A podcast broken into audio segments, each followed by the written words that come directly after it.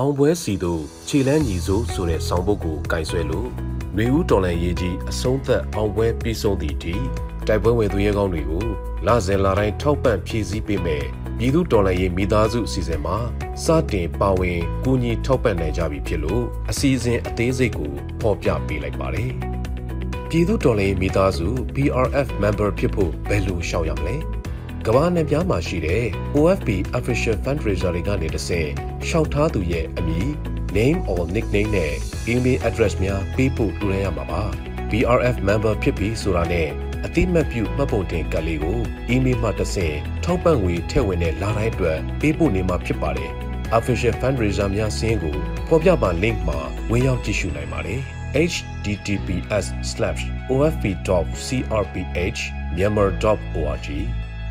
တလကိုဘယ်လောက်ထောက်ပံ့ရမလဲ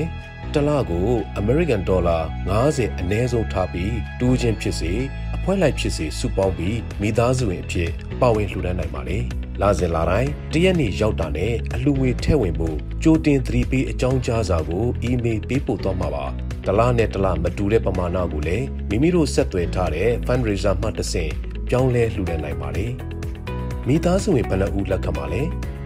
အဖွဲ့ဝင်ဦးရေ9သိန်းအထိလက်ခံပါပါ။လာတလအတွက်အဖွဲ့ဝင်ဦးရေ9သိန်းပြည့်ပြီးပါကအဲ့ဒီလအတွက်ထပ်မံလက်ခံခြင်းမပြုတော့ပါ။ member ဖြစ်မဖြစ်ဘယ်လိုသိရမလဲ။ OFP official fundraiser တွေထံမှအလူငွေပေးသွင်းပြီးတဲ့ PRF member တိုင်းအတွက် OFP မှာအဲ့ဒီလအတွက် digital member ကများကိုအလူရှင်များထံကိုတိုက်ရိုက် email ပေးပို့မှာဖြစ်ပါတယ်။နိုင်ငံအလိုက်ငွေကြေးကွာခြားမှုကိုဘယ်လိုစီစဉ်မလဲ။ လာစဉ် OFP မှအတည်ပြုထားတဲ့နိုင်ငံအလိုက်ငွေလဲနှုံးထားများအတိုင်းမိမိတို့လှူဒန်းလိုတဲ့ပမာဏကို fundraiser မှတွက်ချက်ပေးမှာဖြစ်ပါတယ်။အလူရှင်အမည်တူချင်းများအတွက်ဘယ်လိုစီစဉ်ထားလဲ။အလှရှင်များအနေနဲ့မိမိတို့ရဲ့မိသားစုဝင်ကန့်နမန်များကိုမှတ်သားထားရပါမယ်။အမည်တူခြင်းများရှိနေနိုင်တဲ့အတွက် member ID နံပါတ်ဖြင့်သာရှာဖွေခြင်းအတည်ပြုမှတ်သားခြင်းများပြုလုပ်ပါမယ်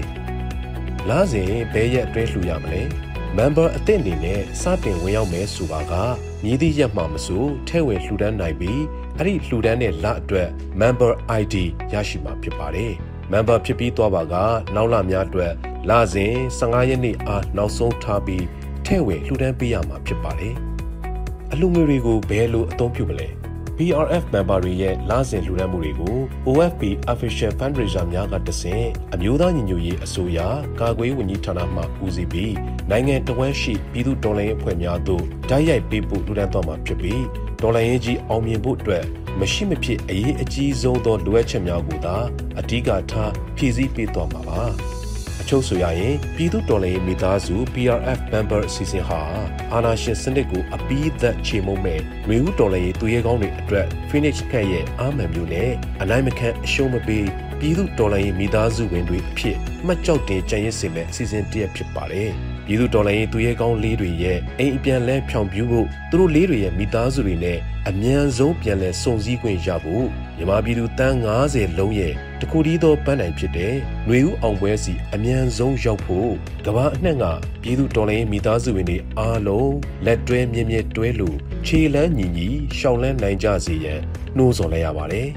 ပြည်သူတော်လှန်ရေးမုတ်ချအောင်ရမည်